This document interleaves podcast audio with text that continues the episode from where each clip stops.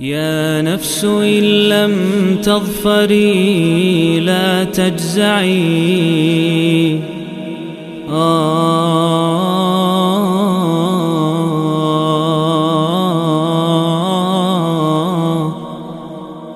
Bismillah, Alhamdulillah, wassalatu wassalamu ala rasulillahi amma ba'd Dalam perjalanan 114 hari menyambut bulan Ramadan Kita di hari ke-54 ini bersama surat Al-Qamar Surat Al-Qamar merupakan surat Makkiyah Yang turun setelah surat At-Tariq Dan sebelum surat Sod Surat yang terdiri dari 55 ayat ini Disebut dengan nama Al-Qamar Yang mana artinya bulan Diambil dari kata Al-Qamar yang ada di ayat pertama surat ini di mana Allah Subhanahu wa taala firmankan iqtarabatis sa'atu wa qamar Kiamat telah dekat waktunya dan bulan telah terbelah.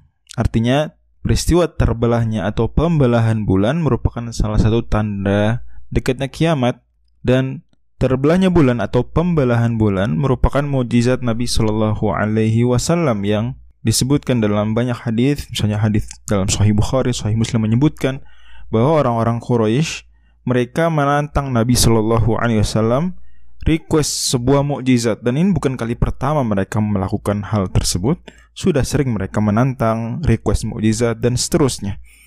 Hanya saja momen tersebut mereka kali itu minta request mukjizatnya adalah agar Bukit Sofa diubah menjadi emas kita semua tahu Bukit Sofa ya yang ada dekat Ka'bah, tempat orang melakukan sa'i itu. Nah, itu uh, Bukit Sofa namanya. Sebesar itu dijadikan emas. Mereka request begitu. Kemudian Rasul Shallallahu Alaihi Wasallam karena ingin mereka beriman, ya, ya tentu ya sudahlah kasih lihat saja. Ya minta kepada Allah agar di anugerahkan mujizat tersebut sehingga orang-orang musyrikin Quraisy melihat kemudian beriman kan begitu.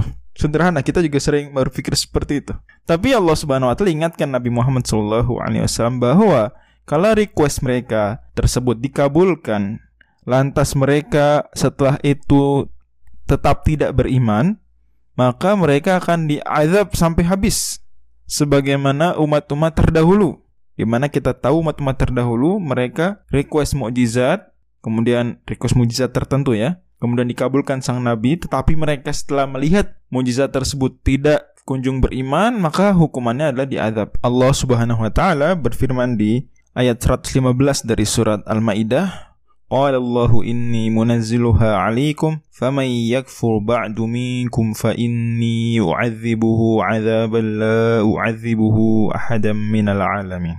Di situ Allah Subhanahu wa taala bilang bahwa kepada Nabi Isa alaihissalam, aku akan turunkan apa yang mereka minta dari mujizat tersebut persis yang mereka minta tapi barang siapa ingkar setelah itu maka akan aku akan azab dengan azab yang tidak ku beri azab siapa pun di alam semesta.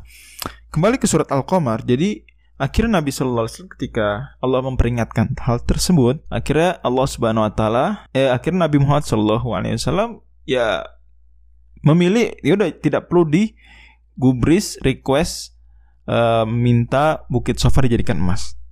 Akhirnya mujizat lain yang diberikan oleh Allah Subhanahu wa taala yaitu apa? Bulan dibelah. Ya, satu keping di satu sisi atau keping di sisi yang lain dan mereka melihat tapi mereka kata Allah Subhanahu wa taala di surat Al-Qamar ini wa iyyaru ayata yu'ridu wa yaqulu sihrun mustam. Mereka berpaling tidak beriman dan mereka menuduh bahkan ini sihir yang nyata. Wa kadzabu wattaba'u.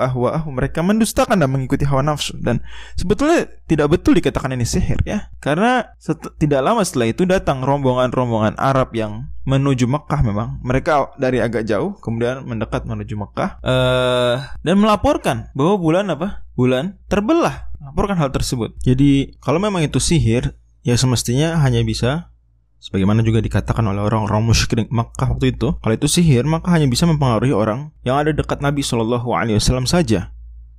Tetapi ketika ternyata orang-orang Arab berbagai kabilah ya dari wilayah-wilayah di semenanjung Arabia menyaksikan juga di luar kota Makkah jauh sana, maka berarti benar ini memang demikian kejadiannya. Bahkan dalam sebuah manuskrip kuno di Indian Office Library di London itu disebutkan bahwa orang-orang India pun menyaksikan dan memang yang kemungkinan besar menyaksikan juga karena memang terbelahnya bulan ini sebentar ya. Nabi belah dengan izin Allah kemudian disambung lagi. Itu sebentar dan kalau memang kejadian di uh, Mekah itu adalah antara Maghrib dan Isya ketika memang orang-orang musyrikin Quraisy masih ramai berkumpul, maka berarti kemungkinan besar yang menyaksikan adalah orang-orang India dan orang-orang Cina. Orang-orang di Asia Tenggara atau As ya, Asia Tenggara misalnya Indonesia itu kemungkinan besar sudah tertidur, ya. Jamnya jam sudah jam tidur. Orang-orang Eropa atau Afrika tidak menyaksikan karena mereka belum malam gitu. Dan ternyata laporannya ada dari India dan kita berharap suatu saat kita akan mendapati laporan tertulis dari dari Cina walaupun juga tidak menutup kemungkinan di Cina bisa jadi waktu itu sedang mendung sehingga tidak ada laporan tertulis atau ya apalagi momennya sebentar momennya hanya sebentar demikian dan tema besar surat ini adalah hukuman bagi pengingkar mukjizat dan hubungannya dengan nama surat jelas peristiwa terbelahnya bulan tadi dan di surat ini kita lihat juga banyak umat-umat disebutkan umat Nabi Nuh, umat eh, Nabi Hud, umat Nabi Soleh, umat Nabi Lut, ya bahkan umat Nabi Musa juga diceritakan tentang bagaimana mereka semua mendustakan ayat, Allah Subhanahu wa taala.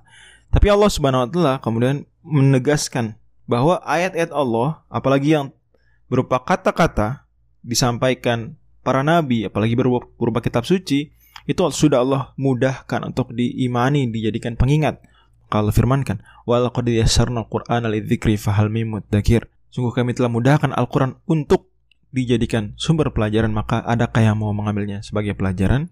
Ini Allah Allah ulang-ulang menegaskan bahwa oke, okay, umat dahulu di zaman Quraisy, mujizat Nabi mereka melihat terbahnya bulan. Setelah itu ada mujizat jauh lebih besar lagi yaitu mujizat Al-Quran. Memang As-Safari dikatakan dalam Ad-Duratul Mudiyah wa mu'jizatu khatamil anbiya'i kathiratun tajillu an ihsa'i minha kalamullahi mu'jizul wara kadhan syiqaqul badri min ghairi imtira wallahu a'lam bissawab.